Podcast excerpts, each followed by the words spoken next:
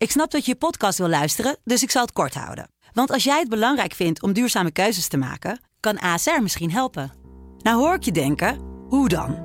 Nou, bijvoorbeeld bij het duurzaam herstellen van schade. Of de premies die we beleggen volgens ons duurzaam beleggingsbeleid. Dat bepaalt waar we wel en juist niet in investeren. Wil je meer weten over welke duurzame keuzes ASR maakt? Ga dan naar asr.nl slash duurzame keuzes. ASR doet het. Zo, dan kan je nu lekker naar je podcast luisteren.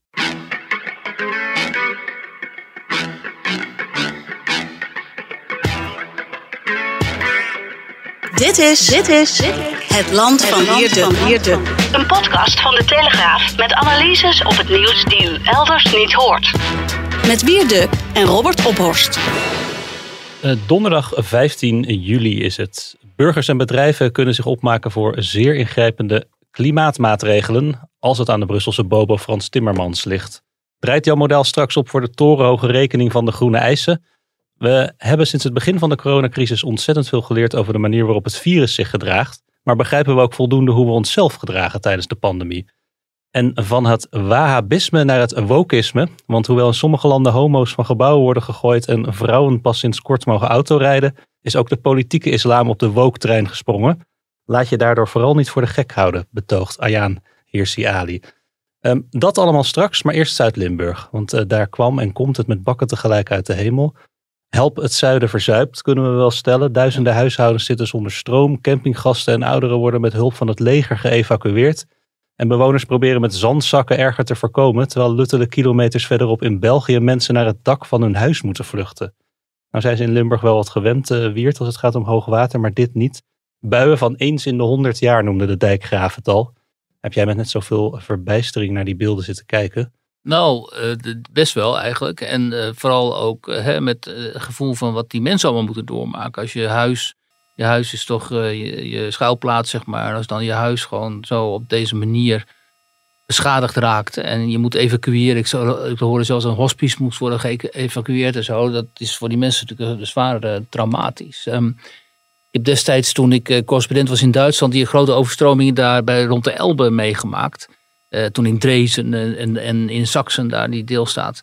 Um, en dat was echt enorm hoor. Als je dan in die dorpen en die steden kwam, dat is gewoon is zo destructief. En, um, en dit zie je nu kennelijk uh, daar in Zuid-Limburg uh, gebeuren. Dus ik moet er niet aan denken wat die mensen allemaal moeten doormaken. En maar verder kun je er ook niet zoveel over zeggen. Hè? Want je kunt moeilijk. Hè? Er wordt nu gezegd, ja, zie je wel, dat is wat klimaatverandering doet en zo. Maar dat, dat weten we helemaal niet of, de, of dat nou per se zo is. Um, uh, wij hebben die immers, uh, jaren geleden hebben we die ruimte voor de rivieren hebben ingesteld. Om die rivieren meer ruimte te geven om uh, eventueel over hun oevers te lopen. Mm. En zonder dat dat echt schadelijke gevolgen zou hebben. Maar dat gaat hier ook weer niet op. Want het gaat hier niet per se nog om rivieren, begrijp ik. Dus het is heel ingewikkeld om hier iets anders over te zeggen. Dan dat het heel erg is voor de mensen die daar wonen. En dat je hoopt dat ze voldoende steun krijgen van, van de overheden ook om hier doorheen te komen. Ja. De, de grond was verzadigd, begreep ik ook. Hè? Het had al zoveel geregend dat het op een gegeven moment gewoon niet meer op kan nemen. Ja, en, uh, en ook, weet je, er zijn allerlei, je leest allerlei redenen voorbij komen. Ook uh, bijvoorbeeld dat er zoveel gekapt is, dat het water ook meer ruimte heeft gekregen en zo. Maar ja, dat zijn allemaal van die dingen die je leest op in sociale media of in bepaalde kranten. Zonder dat je nou precies weet in hoeverre dit klopt. Ik stuurde jou uh, uh, in aanloop naar deze podcast ook nog even zo'n stukje hè, onder de. Dat lees ik allemaal niet, wat jij mij stuurt. Nee, dat weet ik, dus ik zal het zelf nog even erbij halen. Uh, komt dit nou door klimaatverandering? Dan had iemand in de Volkskrant, meen ik, dit even ja, uitgezocht. Met de Volkskrant, ja. ja en. Um, en dan de, de, conclusie kan niet luiden dat dit zo is. Er staat zelfs in het algemeen wordt ons land door klimaatverandering juist droger. En, uh, dus dat is, he, de, de, iemand als Jesse Klaver en zo, die grijpt dit onmiddellijk aan om het op klimaatverandering te schuiven. Maar dat, dat weten we dus hmm. gewoon. Nee, het lijkt me wel goed om uh, goed in kaart te brengen hoe dit uh, voorkomen kan worden. Ja, als het al voorkomen kan worden natuurlijk. Dat, dat weten we helemaal niet. Dat is die, natuurlijk ook zo, ja. ja. Toch ook tegelijkertijd die enorme hittegolf daar in de Verenigde Staten en Canada. Ja, dat, eens in de zoveel tijd uh, komt dat voor. Als je, ik ben historicus, als je in de geschiedenis gaat kijken naar uh, klimaatveranderingen en periodes waarin het heel koud is geweest, bijvoorbeeld, of heel warm, dat is echt super interessant. Er zijn hele periodes geweest, bijvoorbeeld na een vulkaanuitbarsting, Dat het gewoon echt jarenlang bijvoorbeeld ontzettend koud is geweest en regenachtig en zo, ook in Europa. En, uh, of, hè, en, ja, en mensen hebben zich daarop ingesteld. En die, die leefden destijds dus gewoon in een ander type klimaat dan in de jaren of de, de eeuwen daarvoor en daarna. En zo gedraagt klimaat zich. En wat historisch gezien gewoon heel interessant is, omdat dat je gaat kijken hoe passen zich mensen daar, daar dan aan aan en zo. En wat zeggen die bronnen uit die tijden. En uh, ja, dat, in deze tijd is het misschien niet, uh, niet anders. Maar goed, uh, dat weet Gerrit Hiemstra allemaal beter dan ik natuurlijk. Ja. Nou, aanpassen aan het klimaat. Laten we het daar uh, gelijk maar wat langer over hebben. Want Fit for 55, dat is niet de naam van jouw sportklasje. Maar van de 12.000 pagina's aan voorgestelde klimaatplannen en klimaatwetten van klimaatcommissaris Frans Timmermans. Het doel is de CO2-uitstoot in de EU in 2030 met 55% terug te hebben gebracht ten opzichte van het niveau in uh, 1990. En daar is uh, nog veel voor nodig heel erg veel. Het wordt moeilijk en zwaar, waarschuwt Timmermans. Ja. En daar sluiten een hoop mensen die onze verslaggevers Edwin Timmer en Edwin van der Schoot uh, spraken voor hun verhaal in de krant vandaag zich bij aan.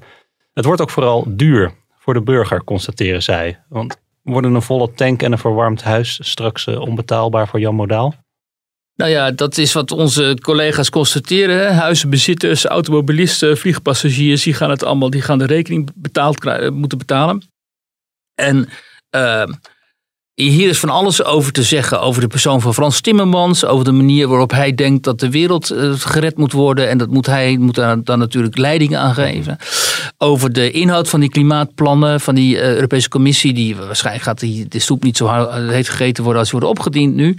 Want er moet nog voor alles overheen. Maar de mentaliteit die hierachter zit, die is natuurlijk. Um, schrikbarend. En dat wordt heel goed uitgelegd in het stuk, van, uh, in, een stuk, in het stuk in de krant door de uh, professor David Smulders van de TU Eindhoven. Hè. Mind you, TU Eindhoven, dat is toch echt een instituut. En die Smulders die zegt, uh, bij dit pakket van de commissie zegt hij, krijg je echt een gevoel van, zijn we toch weer ingetuind. Want de meest evidente oplossingen zijn ze vergeten. Hè.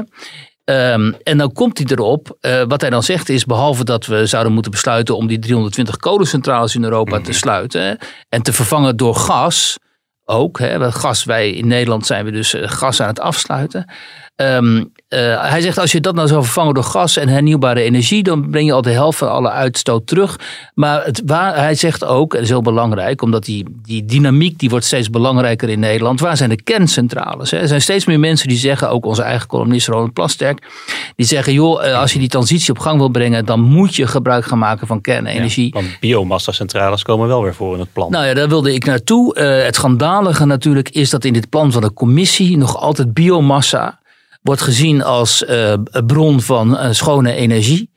Uh, als een klimaatneutrale energiebron, wat natuurlijk totale flauwekul is. Wat er op dit moment gebeurt, is dat wij complete bossen in Estland, nou ik ben daar geweest, dat zijn schitterende bossen. Het is echt een hele micro um, uh, natuur daar, die daar uh, bestaat. Hè? En die zijn we nu massaal aan het kappen. En dan worden die bomen hierheen vervoerd. En die eindigen dan in die, uh, in die biomassa-centrale. Ja, houtachtige massa heet het dan Dat heet dan opeens houtachtige massa. En die, vervu en, dat, en die vervuilen gewoon natuurlijk. Hè? En in de plannen van de commissie, die had het dus gewijzigd moeten worden. Diederik Samson, dat is de adjudant van Timmermans. En Frans Timmermans die hadden natuurlijk moeten toegeven van we gaan die klimaatplannen alleen maar realiseren als we, ook, als we biomassa af, uh, afschuiven, als we daarmee kappen.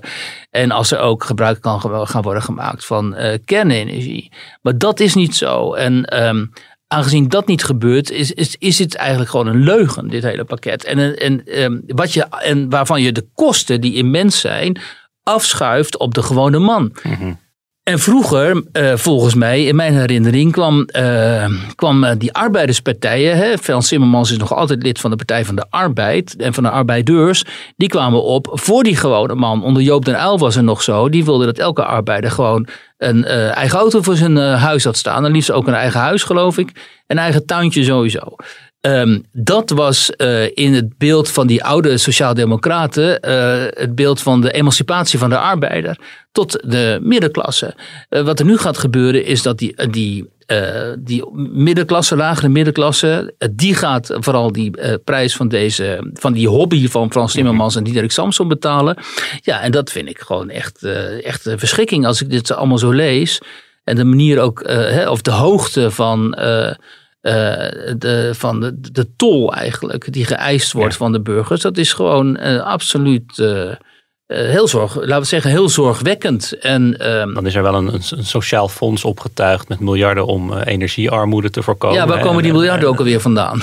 Ja, ook dat. Dus, En, maar dan heb je dus echt over mensen die op een gegeven moment de, maar besluiten de thermostaat niet aan te zetten om, eh, om, om, om niet op kosten gejaagd Je te gaat energiearmoede krijgen. Ik heb het zelf meegemaakt toen ik correspondent was in Duitsland. Ik woonde in Duitsland en eh, daar had je die energiewende. Dus die, die, ook die idiote, het hele die eh, onmiddellijke en snelle transitie die zij wilden van... eh, ook voor kernenergie, ze wilden dus ook van atoomenergie af. Hè, dus atoomausstieg eh heette dat. Ze wilden dus van de atoomenergie af en alles moest wind en zon worden, wat dus helemaal niet kan. En die prijzen die stegen echt op een gegeven moment echt de pan uit voor energie, omdat daarvoor betaald moest worden. Dus dat is gewoon echt procenten energietax. hè, dat was allemaal speciaal voor die energiewende. En het vreemde is, die Duitsers die zijn dan zo nog in zo'n soort, soort collectieve waan dat dit allemaal heel goed is voor de aarde en dat Duitsland dan eh, voorop gaat lopen, hè, eindelijk eens een keer voorop lopen, niet op het slagveld, maar zeg maar op dit slagveld. Wat dan, dit klinkt een beetje lullig, slagveld. maar die, die, die klinkt lullig, maar die behoefte van Duitsers om goed te zijn en nu goed te doen en wel goed te zijn, eh, die is enorm. Ehm, die behoefte van die Duitsers is zo groot. En een grote meerderheid van de bevolking eh, dit ook nog steunde ook. Dus ze zaten zelf in hun eigen portemonnee gewoon te grazen. Terwijl gewoon aangetoond is dat zon en wind dat ook helemaal niet trokken. Dus dat ze gewoon eh, atoomenergie moesten importeren vanuit Frankrijk en zo. Ehm, eh, dat, dat gebeurde daar dan. Ehm, omdat dit, dit soort plannen helemaal niet op zo'n. Zo maakbaar is het eh, allemaal niet. Dit moet je allemaal veel geleide, geleidelijker aanpakken. Ja, en zonder nou kernenergie kom je er sowieso niet. Ja. Nou zegt Timmermans, die, die tijd hebben we gewoon niet om het geleidelijk aan te pakken. Het gaat om onze, onze kinderen en kleinkinderen. Ja, maar ja, dat is natuurlijk altijd. eh, hè, dat, dat, dat is heel populistisch. Hè. Timmermans is natuurlijk sowieso een populist. En te dreigen met dat onze kinderen en kleinkinderen ten onder zullen gaan. als wij niet eh, Frans Timmermans eh, volgen op zijn weg naar de heilstaat. Ja, dat is een hele dankbare of hele makkelijke manier om mensen angst aan te jagen. Maar het is natuurlijk helemaal niet gezegd dat dat, dat zo is. En nou ja, nogmaals, eh, hij kan er zelf wat aan doen, want dat is wat Smulders zegt. Als ze nu stoppen met die steenkolen, met die kolencentrales en je kapt met die biomassa, dan ben je al heel snel heel eind op weg hoor. Dus eh, dat kan wel, maar ja, dan moeten ze wel hun eigen, hun eigen frames, die moeten ze los gaan laten en dan moeten ze op een andere manier eh, gaan denken. En dat is bij die Europese Commissie natuurlijk en bij mensen als Frans Timmermans wel een beetje veel gevraagd. Je zei het net ook al, de, de politieke strijd die begint eigenlijk nu pas echt. Want het Europees Parlement moet zich er nog over buigen. En gelukkig hebben de lidstaten er zelf ook nog wat over te zeggen. Precies. Eh, nu wil Den Haag in Brussel altijd het braafste jongetje van de klas zijn. Ja. Gaat, gaat Nederland dan gewoon tekenen bij het kruisje? Ja, natuurlijk. Rutte gaat gewoon zoals altijd tekenen bij het kruisje. En de andere landen die gaan dan voor zichzelf eh, bepaalde opt-outs be- bedingen en zo, als dat kan. Eh, maar daar zijn wij altijd eh, enorm eh, slecht in, want wij willen altijd braver zijn dan. We dan willen soms zelfs nog ambitieuzer ja, zijn. we willen nog meer geld er naartoe brengen. En soms inderdaad zeggen we, weet je wat, maak het nog wat moeilijker en zadel onze burgers op met nog wat hogere rekeningen. Allemaal in het kader van het gemeenschappelijke Europese goede doel. Hè, waar dan de Nederlanders uiteindelijk gewoon voor betalen. Want wij zijn inmiddels ongeveer het duurste land van Europa in allerlei opzichten. Eh, een enorme belasting- en premiedruk. En eh, dan krijgen we dit er ook nog eens een keer eh, overheen. Dus als Smulders zegt van, goh, zijn wij toch weer ingetuind. ehm, ja, dan eh, stel ik me daar een, een lachende Frans Timmermans en ook een aantal Nederlandse be- bewindslieden bij voor. eh, die inderdaad denken van die burgers, die, ehm, we hebben ze weer zover kunnen krijgen. In Nederland. Wiert, wanneer heb jij eh, voor het laatst sorry gezegd? Eh, nou, onlangs nog op Twitter, omdat ik, eh, toen zei ik gewoon maar random sorry. Omdat ik Werd dat gewaardeerd? werd enorm gewaardeerd ook van ja, dan heb je toch al je, hè, dan heb je het bijvoorbeeld al gezegd, hoef je niet bij achteraf te verontschuldigen voor weer iets vreselijks. En mensen konden het enorm waarderen. maar het is een beetje omdat ik het sorry van, ehm, eh, van het totaal gratuite sorry van Mark Rutte en Hugo Ja. de Jonge zag aankomen. Ja. Ja, want het, eh, ze kwamen deze week namens het demissionaire kabinet met excuses voor de versoepelingen. Het was eh, te veel, het was te snel. En toen er de kritiek op kwam, gingen aanvankelijk ook de luiken naar beneden. Nou is er dus inmiddels wel wat eh, meer zelfreflectie en zijn die excuses er. Maar wat ging er nou precies mis in de communicatie? Daar boog jij je deze week over in, jouw, in Nederland. Met, met, met een antropoloog, een sociaal psycholoog en een crisismanager. Ja. En zij spreken van een zwabberbeleid als het gaat om, om de communicatie van het kabinet. Is het nou echt allemaal hun schuld? Ik denk dat je op twee manieren naar kunt kijken. Als je ervan uitgaat dat het doel van het kabinet is geweest om het aantal besmettingen zo laag mogelijk te houden. Uh, en uh, te proberen om het virus uit te dammen. Dan is de communicatie natuurlijk een ramp geweest. Maar als je ervan uitgaat dat vanaf het begin eigenlijk het doel voor inzet van het kabinet is geweest om het virus rond te laten gaan. Uh, en pas te reageren op het moment dat het aantal ziekenhuisopnames en IC-opnames te hoog werd. Dus als de druk op de zorg te hoog werd. Uh, maar, het, maar verder dat virus gewoon uh, te laten uitrazen. Dan is de communicatie eigenlijk prima geweest. Omdat ze telkens zoveel mist hebben opgeladen. Zoveel zo onduidelijk zijn geweest dat mensen, uh, een heel groot deel van het publiek, zoals de afgelopen weken, vooral de jongeren ook, niet meer wisten waar ze zich nu precies aan moesten houden, wat nu precies uh, kon of niet. Um, uh, en dus maar gewoon die samenleving weer ingingen en elkaar, en elkaar begonnen te besmetten. En Hugo de Jonge heeft dit notabene letterlijk zo gezegd. Hè, toen hij die jongeren aanmoedigde om te gaan dansen na Jansen. Nou, iedereen met een beetje, die een beetje heeft opgelet de afgelopen anderhalf jaar. Die weet dat je zo'n, als je zo'n vaccinatie hebt gehad, dat je dan nog even twee weken minstens mm -hmm. moet wachten voordat je echt beschermd bent. Uh, dat deden deze jongeren niet. Ook omdat de jongen dat er gewoon heel nadrukkelijk niet bij had gezegd. Die zijn gewoon gaan dansen en feesten en hebben elkaar massaal besmet. Uh, en Hugo de Jong heeft notabene letterlijk gezegd van ja, dat was ook een beetje. En, dit was de mogelijkheid voor ons om uh, de vaccinatiebereidheid onder jongeren uh, op te krikken. Nou, dus alles, alles wijst erop, toch, dat hè, vanaf het begin, de eerste persconferentie, toen Mark Rutte zei: we gaan groepsimmuniteit opbouwen. Dat gaan we doen door de samenleving uh, niet helemaal op slot uh, te zetten. Uh, dat dit toch vanaf het begin gewoon, ondanks alle risico's die daarmee gepaard gaan, beleid is geweest. En ik denk dat, ehm, nu hebben Rutte en Hugo de Jonge wel sorry gezegd, maar ik denk dat ze ondertussen blij zijn dat zo'n groot deel van de jongeren nu in ieder geval in aanraking is geweest met het virus. Omdat we er toch nog steeds van uitgaan dat je daarmee ook een bepaalde mate van immuniteit uh, uh, opwekt. En uh, dat ook een heel groot deel van de jongeren zich heeft laten vaccineren. Maar in mijn eigen omgeving bijvoorbeeld, en dat is het immorele hieraan, heb ik jongeren gesproken die hebben gezegd: ja, wij hebben ons met Janssen laten vaccineren, omdat we dachten, nou. dat is weliswaar niet zo'n echt effectief vaccin als die mRNA-vaccins. Maar we krijgen onze vrijheid erdoor terug. Als dit betekent dat ik met één prik van Janssen in ieder geval de zomer gewoon mij vrij kan bewegen, op vakantie kan gaan en mij vrij kan bewegen onder mijn vrienden en zo, dan heb ik dit ervoor over. Nou, ze hadden die prik nog niet gehad en toen ging de boel weer op slot. En hun vakanties gaan ook niet meer door. En die, hebben nu, die zeggen nu van ja, luister eens even. Echt, ik heb mensen gewoon echt in tranen gesproken. En die zeggen, als ik dat had geweten, dan had ik nooit het, al sowieso nooit het Janssen-vaccin genomen. Dan had ik wel gewacht tot ik dat Pfizer of Moderna-vaccin, wat veel effectiever is, had kunnen nemen. Ik heb het nu echt genomen ook vanwege die, die mogelijkheid die, die er nu niet meer is. En uh, ja, dus je, je neemt als, uh, als, uh, als kabinet, mm -hmm. hebben ze een enorme verantwoordelijkheid genomen. En ja, we hebben natuurlijk allemaal gekeken naar die persconferentie. Dat sorry, nou, ik weet niet of jij het overtuigend vindt, maar de sociaal psycholoog in mijn stuk, Frank van Harreveld, die uh, zegt ergens wel van, uh, joh, uh, dat had wel wat overtuigen, overtuig, overtuigender sorry, gekund. Want nu leek het meer alsof ze even een vakje aan het afvinken waren. En sorry heeft inderdaad natuurlijk alleen maar betekenis op het moment dat je de gevolgen aan, aan verbindt. Dus je treedt af. Of je zegt van ja, Hugo de Jonge is niet langer houdbaar als minister van Volksgezondheid. Dus er moet iemand anders komen. Maar dat is helemaal niet zo. Ze blijven maar doorgaan en doorgaan. Dus ja, uh, hoe vaak zal Mark Rutte inmiddels in zijn carrière als premier in die tien jaar uh, sorry hebben gezegd? Zo'n ontelbaar aantal malen. En wat zijn de gevolgen geweest dat hij nog steeds uh, minister is, demissionair, minister-president is? Bovendien nu weliswaar demissionair, maar dit kabinet gedraagt zich ook helemaal niet demissionair. dat is ook zoiets merkwaardigs. Ze doen alsof ze niet zijn gevallen. Dit is een, dat, dat staat dan in dat stuk van mij toch wel, het zou een hele belangrijke vertrouwensbreuk kunnen zijn tussen die jongere groepen en de overheid. En wat ik zo opmerkelijk vond ook wel aan die jongeren is dat ze zeggen, ja, maar wij beroepen ons, in ons gedrag beriepen wij ons op wat Hugo de Jonge heeft gezegd. En uh, Ginny Mooi dan, de, de antropologe in het stuk uh, wat ik vandaag in de krant heb, die zegt, ja kijk, uh, als iemand met enig gezag, een minister, zoiets zegt, dan ga je dat natuurlijk altijd uitleggen in je eigen voordeel.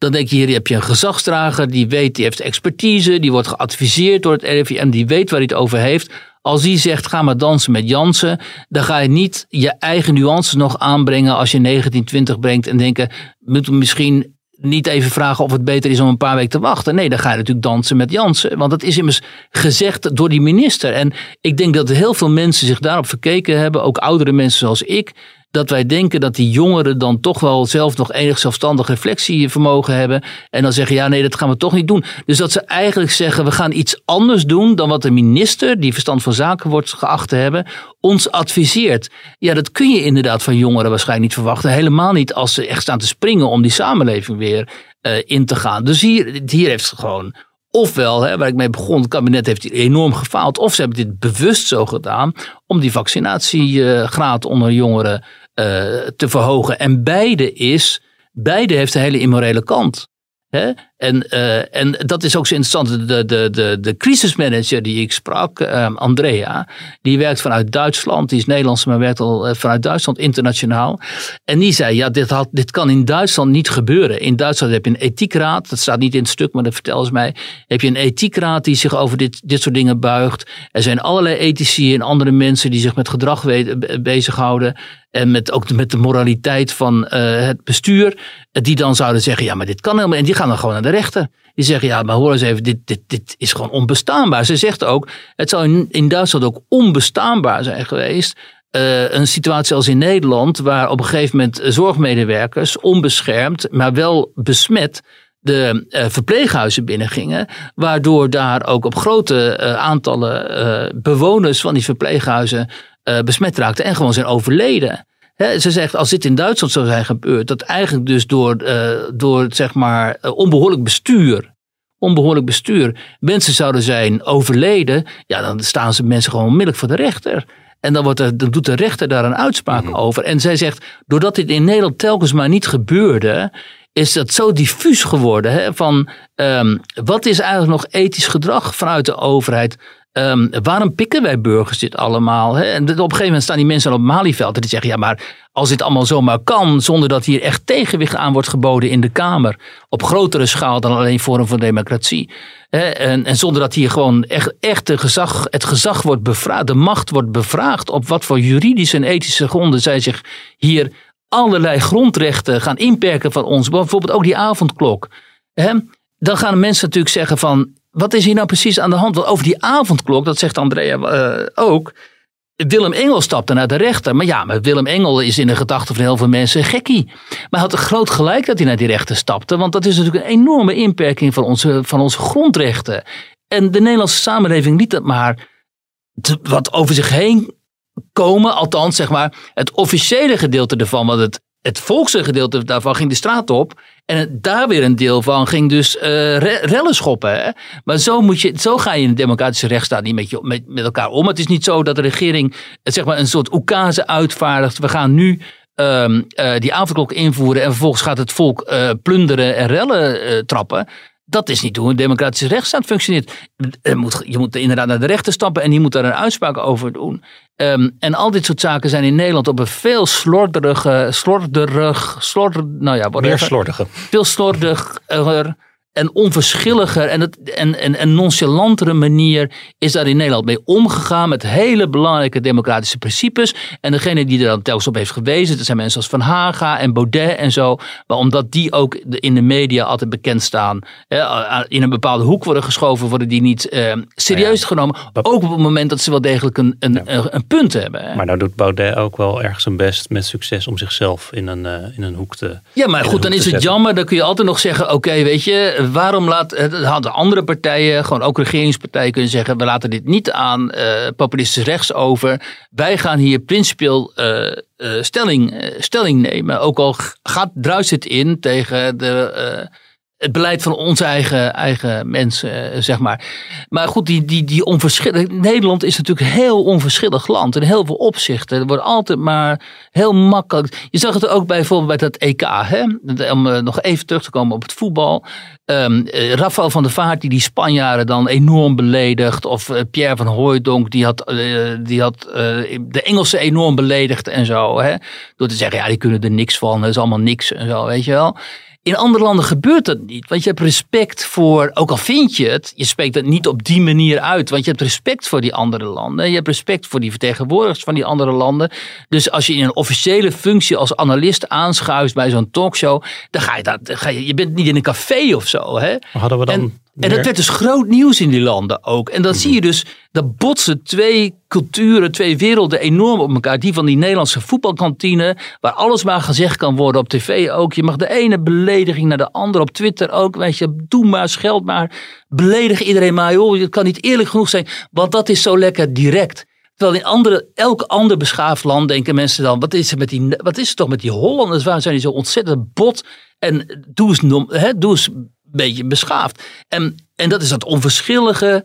Uh, en het heeft zich ook meester gemaakt. Hè. Vroeger werd er nog wat tegenwicht aangeboden in de media en in de politiek en zo. Maar het heeft zich dus ook meester gemaakt van het bestuur, van de politiek. Je ziet het ook met die toeslagenaffaire en van de media. En dan krijg je een soort uh, heel, uh, hele nare cocktail van. hele nare cocktail waarbinnen dit soort principes uh, waar Andrea het dan in mijn stuk over heeft, um, echt aan, onder, ondermijnd raken. De ondermijning van die Nederlandse democratische rechtsstaat zie je daardoor op allerlei fronten. Want je ziet het ook in die uh, georganiseerde misdaad die zijn tentakels zo makkelijk heeft kunnen uitslaan in Nederland. Waarom ook? Omdat al die Nederlanders gewoon aan de drugs zijn. Weet je wel, die vinden dat normaal een beetje lekker drugs consumeren in het weekend en zo. Ja, hallo dan heb je nogal een, een afzetbasis ook. En ook niet alleen een afzetbasis, maar je hebt ook een mentaliteit in dit land waardoor um, het gebruik van drugs, maar ook de handel in drugs en zo, niet zo serieus wordt genomen. Mhm. Maar hebben we dan niet gewoon gebakken peren zitten we nu mee? Overheid gekregen die we verdienen? Jazeker krijgen we overheid die wij uh, verdienen. En ook, uh, dat, sorry dat ik het zeg, maar dat uitzicht ook in de generaties. Denk ik. Ik denk dat de oudere generatie, ook de generatie waar ik toe behoor, toch een, vaak een wat andere kijk op uh, de zaken heeft dan uh, dertigers en uh, veertigers. Nou, ik hoor ook heel veel verhalen van wat jongere mensen die dan een mondkapje opdoen in de supermarkt en raar aan worden gekeken door oudere mensen die dat allemaal onzin vinden. Uh, ja, misschien door wat van die, van die uh, oude hippie-boomers uh, en zo. Maar ik denk dat dit ook een, een probleem. Ja, ik denk dat het ook wel. Nou ja, goed, ik kan het. Kijk, ik, dit, dit is nu speculeren. Hè. Maar ik denk wel dat het ook een generationeel probleem is. Omdat het ook niet voor niks is natuurlijk. Dat bijvoorbeeld die rechtspopulistische partijen zoals Forum. behoorlijk wat aanhang hebben onder jongeren ook. Die een veel conservatiever wereldbeeld voor staan, zeggen voor te staan. En een wereldbeeld waarin toch ook meer, zeg maar, uh, moreel houvast hen wordt geboden. Hè? En, en de, de, de, de laat-kapitalistische samenleving waarin wij nu leven, dat is natuurlijk het, het resultaat van, uiteindelijk het resultaat van die uh, vrijheid gedachte van de jaren 60 generatie, van mij 68, die zich in alle instituten in de Nederlandse samenleving heeft uh, ingegraven. En daar overheerst nog altijd uh, dat beeld van destijds in zekere zin. Hè, dus het culturele marxisme waar we dan niet over mogen praten, maar dat, dat is hier een gevolg van. Hè, die mentaliteit die heeft zich in alle instituten, in hè, media, onderwijs, uh, publiek, uh, vooral ook publieke omroep, noem maar op, heeft zich daar gevestigd echt. En in, op heel veel dossiers is die mentaliteit gewoon dominant en dan krijg je inderdaad onbehouden gedrag aan talkshowtafels, want dan moet allemaal, alles moet kunnen. Kinderen die niet opgevoed worden, want alles moet kunnen. Uh, druk gebruiken het openbaar, ja, doe maar en zo. En nu klink ik als een enorme oude eh, conservatief. Uh, maar dat ben ik dan in dit opzicht kennelijk ook.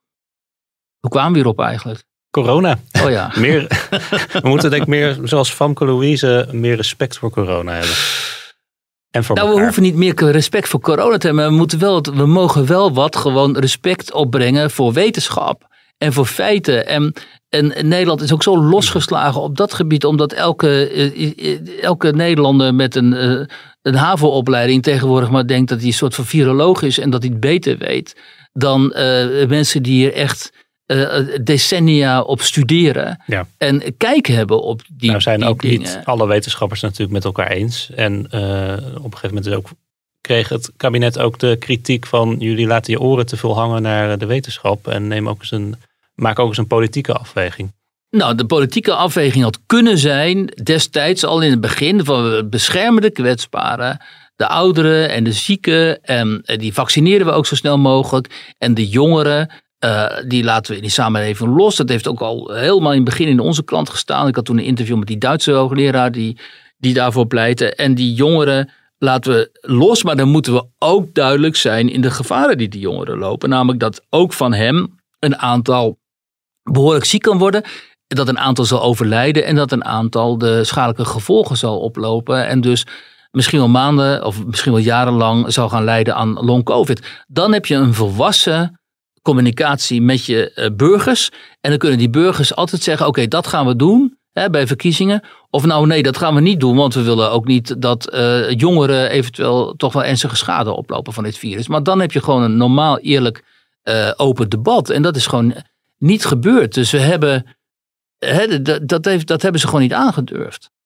Weet je wel, omdat ze dan wel wisten van ja, dat gaat tot opstand leiden of dat gaat tot polarisatie eh, leiden in je samenleving. Maar het resultaat van dit zwabberbeleid, zoals dat ook in het stuk van mij wordt genoemd, dat is dat, op de, dat inmiddels geen enkele burger meer weet waar hij aan toe is. En dat de grootste, eh, het grootste probleem dat mensen nu hebben, is de vraag of ze de volgende week nog wel naar Ibiza kunnen vliegen of naar eh, een ander eh, Spaans of eh, Portugees eh, gebied. Terwijl eh, daar zou natuurlijk niet om moeten gaan. Maar dat is, dat is in ieder geval nog behapbaar of zo, die kwestie. Want dat is ja of nee. Nou, wat Ibiza betreft, nee, geloof ik. Eh, ja, hoewel er zijn altijd nog vliegmaatschappijen die er wel naartoe vliegen, geloof ik. Maar TUI heeft inmiddels zijn reizen stopgezet. Random gaat nog wel, inderdaad. Wie, wie, wie, wie het Woken Week. Ja, het onderwijs eh, moet veel diverser worden. Dat is eh, wederom in Brussel eh, bepaald. Ehm, en eh, minister van Engelshoven die heeft een handreiking doen uitgaan naar eh, alle, alle, alle eh, hoger onderwijsinstellingen en universiteiten om aan die, aan die maatregelen, aan die voorwaarden te voldoen. Ja. Dat gaat best wel ver, van het registreren tot, tot gender, tot het verwijderen van kunst- en omgevingsfactoren die microagressie Ja, uitstralen. We hadden het in, in deze rubriek een paar weken geleden over die Amerikaanse wetenschapster die wiskunde betichtte van Ja. te wit en te racistisch moesten te we zijn. decoloni- Moest- moest decoloniseren. gedecoloniseerd worden. Ja, dit komt toch wel akelig dichtbij. Ja, en dat is erg hè, ook. Hè. Kijk, ehm, eh, we hadden dat, dat stuk in de krant en het was hilarisch omdat eh, in de kop stond zoiets van dat de, dat, eh, dat de universiteiten ook alle, alle niet-mannelijke geslachten, bedoeld was alle niet-mannelijke genders, moet gaan registreren en zo. Dus daar vielen natuurlijk heel veel mensen over die dachten, wat, wat, wat is dit nu weer? Ehm, maar het kwalijke, kijk, en vervolgens ontstond er allerlei discussie ook op sociale media dat allemaal wel mee zou vallen en zo. Maar dat is niet zo. Omdat eh, het kwalijke hier is, is dat eh, het ministerie van Onderwijs, dus eh, in de vorm van de minister van Engelshoven, een, een, een, analyse overneemt die heel activistisch en ook heel, heel activistisch is en waarover we allerlei vragen kunnen stellen. Namelijk die hele genderdiscussie en die, eh, hè, en die diversiteitsdiscussie. In, die, in dat genderdenken wordt bijvoorbeeld eh, ontkend dat er twee biologische geslachten zouden bestaan. Dat is niet zo. Er bestaan allerlei geslachten. En uiteindelijk, en dat zit er nu ook aan te komen, notabene, hè, kun jij, heb je het recht op zelfidentificatie. Dus als jij een man bent en je voelt je vrouw, dan kun je zeggen, ja maar hoor eens, ik ben biologisch misschien wel een man. Hoewel voor deze mensen speelt biologie helemaal geen rol, want het is antiwetenschappelijk. Maar deze mensen kunnen zeggen, oké, eh, misschien vind jij mij een man, maar ik voel mij een vrouw. Ik identificeer mezelf als vrouw, dus vanaf nu ben ik een vrouw. En ik wil het recht hebben om vrouwelijke ruimtes binnen te gaan. Dus vrouwelijke kleedkamers, vrouwelijke sauna's, vrouwelijke toiletten en zo. Ehm, en, dat, en dit leidt natuurlijk, dit is zo ondermijnend, omdat dat, dat heeft allerlei hele kwalijke gevolgen. Bijvoorbeeld, ik kreeg van de week een stuk opgestuurd over een vrouw, wat dus gewoon een man was. Die was opgepakt ergens in Canada, omdat ze, ze een jongetje van zes had aangerand in een park. En dan zie je die foto en dan zie je gewoon een vent. Dat is gewoon een man die, die, die zich zogenaamd identificeert als vrouw. En dan ook vrouw wordt genoemd door zo'n zo'n medium, zo'n krant die dan helemaal meegaat in deze waanzin. Want het is natuurlijk gewoon gekte dit. En die dan uh, gekwalificeerd wordt als, als uh, vrouw. Er zijn dus ook um, uh, mannen die zich vrouw noemen, die dan in vrouwengevangenissen terechtkomen en zo, weet je wel. En, dat, en die vrouwen daar, die voelen zich dan enorm bedreigd door zo'n vent die daar dan rondloopt en zo. Nou, dit zijn de excessen daaruit. En dan gaat uh, Van Engelshoven die gaat dit, dit beeld projecteren op um, onze onderwijsinstellingen. Waarin ook mensen die dan zich niet thuis voelen in hun biologische geslacht. Uh, uh, geregistreerd moeten worden. En, ook, en dat hè, hun keuze um, gehonoreerd moet worden. Ja. En dat deze mensen ook gewoon worden voorgetrokken in de. In de ja, en dat universiteiten worden afgerekend. En dat, precies, dat is heel belangrijk. Want het ging uiteindelijk natuurlijk altijd, zoals altijd om geld. En je krijgt bepaalde subsidies niet meer als je niet meegaat in deze gekte. Ik kwam ook nog een, iets anders tegen vanuit de Europese Commissie. Die hield zich ook weer ergens mee bezig. En er waren allemaal jongeren vanuit de wereld. Die waren, hadden zich dan aangemeld voor een of andere projecten en zo.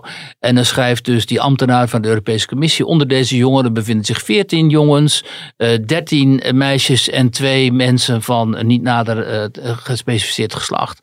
Ja, wat, wat ben je dan in een merkwaardige wereld terechtgekomen waarin gewoon de wetenschap ontkend wordt. En waarin de biologie ontkend wordt. En op het moment dat je gaat, feiten, hè, feiten gaat ontkennen, in elk to totalitair bewind leeft van het ontkennen van de feiten en het creëren van zijn eigen uh, werkelijkheid. Mensen moeten 1984 nog maar eens lezen.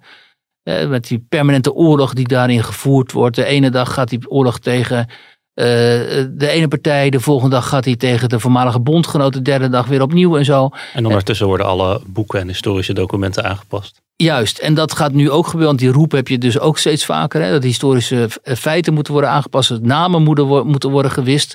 Dat, uh, dat uh, interpretaties moeten worden vervangen door door minder kwetsende interpretaties, wat je net, zo, net ook zei, in de wetenschap moeten bepaalde zeg maar, uh, feiten ook worden verdrongen, omdat die tot micro, als microagressie zouden kunnen worden beschouwd door kennelijk hele kwetsbare scholieren en studenten. Dat is ook zo'n probleem, dat kennelijk eh, zijn er onder die generatie twintigers, want dat zijn er toch meest, enorm veel mensen die zich door het minste of geringste tegenwoordig uh, gekwetst voelen. Ik geloof dat niet zo, maar dit wordt wel op die generatie geprojecteerd, ja, dan is het einde zoek. En dan zou je hopen dat in een coalitie met de VVD, het is een D66-minister, maar in coalitie met de VVD, de VVD zegt, luister eens, wij zijn hier de partij van het gezond verstand. Ook al zijn we heel, heel stuk opgerukt naar links, ook in dit soort kwesties helaas. Maar we zijn nog altijd wel de partij van het gezond verstand.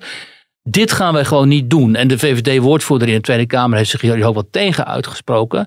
Maar ja, het, uh, gaat, er toch, het gaat toch gebeuren kennelijk. Dus deze, D66 heeft een behoorlijke vinger hier uh, in de pap. Misschien is ons onderwijs ook wel gewoon van zulke hoge kwaliteit dat we alle tijd hebben om, om ons hiermee bezig te houden. Nou, hele, helemaal niet helaas. En een steeds groter deel van het onderwijs het verdwijnt in dit gewoon diversiteitsmoeras en gendermoeras zo langzamerhand. En dus je hebt ook een hele fanatieke eh, voorstanders van dit soort politiek. Want uiteindelijk is het natuurlijk gewoon politiek. Het, het schrijnende is terwijl in de Verenigde Staten, waar al deze ellende vandaan komt, die critical race theory, wat hier ook onderdeel van is, uh, wordt bekritiseerd en steeds onder meer grotere druk staat, omdat het gewoon onwetenschappelijke flauwekul is, wordt dat nu in Nederland uh, steeds meer gepropageerd. Dan gaat het hier nog jaren duren, misschien wel, voordat ook deze, dit schip uh, gekeerd gaat worden. Maar tot die tijd hebben we, krijgen wij en onze kinderen hier nog steeds mee te maken. En helaas. En is het, ehm, wordt hier gewoon veel te weinig rationeel tegenwicht aangeboden. Nou, we blijven even bij het uh, wokisme. Want hoe woke is de politieke islam? Uh, volgens uh, Ayaan Hirsi Ali hebben islamisten sinds de val van het kalifaat en de implosie van IS een nieuwe strategie om hun ideologie te verspreiden. Namelijk een dawa. Wat is dat? Nou, de dawa, kijk, Ayaan had een interessant stuk. Why Islamism became woke. En ehm, ik heb zelf ook al vaak in die podcast hier gezegd er is wel een interessante overeenkomst tussen jihadisme en islamisme en eh, de linkse beweging. En die overeenkomsten zitten natuurlijk in het anticapitalistische standpunt eh, van die beide bewegingen. Ze keren zich beide tegen het kapitalisme. Ze zijn ook vaak anti-Joods. Anti-Israël zeggen ze dan, maar ze zijn, vaak uh, anti-Joods. En nou, collectivistisch natuurlijk. En um, ehm, ik heb al eens een keer de theorie gelanceerd dat wat mei 68 was voor die linkse generatie van destijds, dat is eigenlijk kalifaat geweest voor die generatie islamistische jongeren ook uit Europa. Een soort bevrijdingsideologie. En uh, we gaan een soort heilstaat daar stichten, daar in het Midden-Oosten. Nou, dus het komt allemaal heel erg overeen met die gedachte van Marx ook. We stichten uiteindelijk die, uh, die communistische heilstaat. Dus in die zin is uh, dat inzicht van Ayaan Hirsi Ali niet nieuw. Want ik had het ook al. ik bedoel, dit was al, die overeenkomst die werd natuurlijk al uh, vaker al gezien. Maar wat zij goed, goed constateert en, dat, dat, dat, en goed uh, uh, in een context plaatst ook, is dat die islamisten gebruik maken nu van die, van die, die woken. maar zij zegt eigenlijk van dat het hoofden afhakken, dat heeft niet het gewenste effect gehad. Dus Precies. Dus nu, hebben ze, nu richten ze zich op, op, op het verspreiden via liefdadigheid, uh, spiritualiteit, religiositeit. Ja, nou ja, het is een beetje zoals het aloude christelijke zendingswerk. Nou ja, dawa is natuurlijk is gewoon uh, zending. Ja, de, maar wat is daar dan op tegen? Nou ja, omdat ze, wat zij zegt is, uh, nu het kalifaat uh, uiteindelijk een mislukking is gebleken en dus met geweld uh, die, die, die, heil, die islamitische heilstaat niet zo snel kan ontstaan, richten ze zich weer meer via die oude methodes ook van de moslimbroederschap en zo en wat je, ook, wat je ook Hezbollah ziet doen en zo, via filantropie en, en zendingsdrang en zo, proberen die radicale islamisten invloed te krijgen in westerse democratieën. En ze zegt, daar moeten we wel alert op zijn, omdat, omdat we vaak helemaal niet zien wat uiteindelijk hun objectives zijn, dus, dus hun doelen. Hè? Mm -hmm. dat, nou, in Nederland kwam die discussie natuurlijk ook op gang toen uh, GroenLinks besloot om een uh, die contact heeft met de broederschap, moslimbroederschap, op de lijst te zetten. Die zit nu notabene in, in de Tweede Kamer. Hij heeft stellig ontkend dat zij dit soort uh, doelen zou nastreven. Maar ja, als je dan ziet uh, met wie zij contact heeft onderhouden en dat zij ook bijvoorbeeld gewoon doseert voor een gescheiden publiek van mannen en vrouwen en zo, dan kun je toch moeilijk ontkennen dat daar een hele orthodoxe islam, islam ja moslima aan het woord is. nou, ja. Dat is ook niet heel woke natuurlijk, gescheiden mannen en vrouwen. Nou, uiteindelijk wel, omdat dat hele woke denken, dat gaat over slachtofferschap en over de rechten van slachtoffers. En, en moslims zijn in de ogen van uh, deze mensen slachtoffers van de kapitalistische samenleving. En die hebben voorrang bo boven de geprivilegeerde witte, blanke mannen zoals ik. Uh, omdat zij door dit uh, verschrikkelijk kapitalistische systeem in die slachtofferrol zijn. Uh, maar dan nog heel even over de, over, over de, universiteit en de handreiking van Van Engelshoven. Ja, de politie die wil geen afkomst registreren, want dat is. Dat, dat, is, dat, dat neigt dan naar discriminatie en racisme. Volgens de nieuwe privacywet mag je geloof ik überhaupt niks registreren. Moeten universiteiten dan ook gaan registreren hoeveel moslims in de collegebanken zouden hebben en in, in de staf?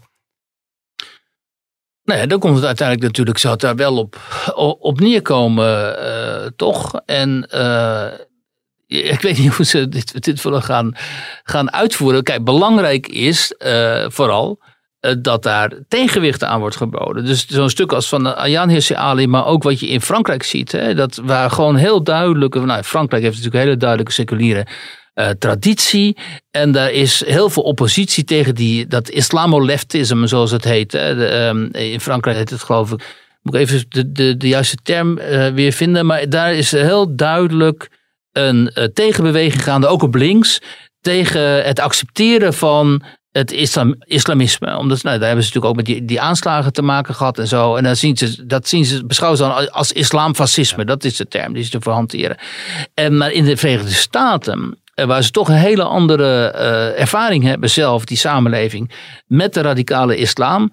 Want die radicale islam, daar hebben ze eigenlijk alleen van buiten mee te maken. Hè. Die heeft uh, ervoor gezorgd dat Twin Towers zijn ingestort. En die, ze hebben geprobeerd die te, te, te bestrijden zeg maar, in het Midden-Oosten en zo. Maar intern heb je natuurlijk niet dat soort activistische gemeenschappen, communities, als bijvoorbeeld in Frankrijk of uh, nou ja, inmiddels ook wel hier in Nederland en zo. Dus ze hebben toch een hele andere ervaring met de islam.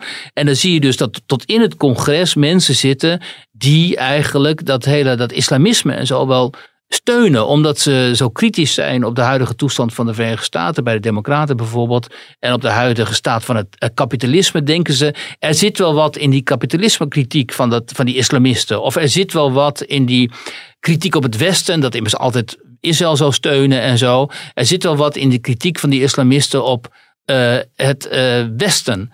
Um, daar zien zij dat gevaar veel minder scherp. Terwijl we dat, en dit, die, term zocht ik, het is islamogauchisme, dus het is islam met links in het Frankrijk. Eh, omdat wij in Europa veel uh, nadrukkelijke slachtoffer zijn geweest van die aanslagen, vooral in Frankrijk. Eh, zien ze daar dat gevaar veel beter. Maar het is ontzettend moeilijk als laatste dan om daar tegen op te treden. Omdat de uh, hoe heet dat, uh, bewegingen als de moslimbroederschap en zo. Die maken natuurlijk gewoon gebruik van alle grondrechten die je krijgt in westerse democratieën. Dus gewoon vrijheid van godsdienst, vrijheid van vereniging, vrijheid van noem maar op. Dus die dawa, die zending en zo. Die kunnen zij gewoon onbeperkt eigenlijk uitoefenen. En je ziet het ook gewoon in steden als Rotterdam en Den Haag en zo. Je ziet dat gewoon eh, om zich heen grijpen. En je ziet vanuit die moskeeën en zo hoe hier ook daar gewoon zending wordt uh, bedreven onder, onder jongeren. En op scholen, ja, tot, tot en met de variant heb ik hier ook wel eens eerder verteld. Dat op de school van mijn dochter in uh, Kreuzberg in Berlijn, waar ook heel veel moslims zaten destijds. ook gewoon Duitse jongeren, dus Duitse jongens vooral. Ehm, eh, vanuit het contact met, uh, met moslimkinderen uh, zich bekeren tot de islam. Want het waren hun vrienden, hè, Turkse, Arabische vrienden en zo. En, die, en die, die jongetjes die vertellen dan ook de hele tijd, die meisjes trouwens ook, over de, het, hoe, hoe prachtig de islam is en hoe gezellig en collectief. En dan heb je allemaal een soort nieuwe familie en zo. Nou, een aantal van die, van die Duitse kinderen is daar dan wel gevoelig voor. En die bekeren zich dan dat is die dawa. Die bekeren zich dan tot, uh, tot de islam. Wij ja, ja. Uh, gaan met, uh, met zomerstop tot 7 augustus. Jij gaat onder een palmboom liggen nou, op Ibiza dus. Met, dat met, weten we nog niet, maar we zijn even niet aan het, uh, even niet aan het werk. Dus, en ook niet op Ibiza. Dus uh, maar even tot 7 augustus uh, geen in Nederland. Maar jij gaat geen, niet geen, met, met, met een playroll onder je, onder je arm op een camping? nee, want, het is code rood, hè, dus waar kunnen we naartoe? Dus we worden allemaal gedwongen om thuis te blijven deze zomer. Nou, dat gaan we dan, dat gaan we dan doen. Wiert, dankjewel. Dankjewel. En uh, alle luisteraars uh, ook bedankt. En uh, nou, graag tot na 7 augustus. Maar eerst nog een speciale podcast met Teun Voeten. Antropoloog, fotograaf die al jarenlang veel, veel onderzoek doet naar drugs.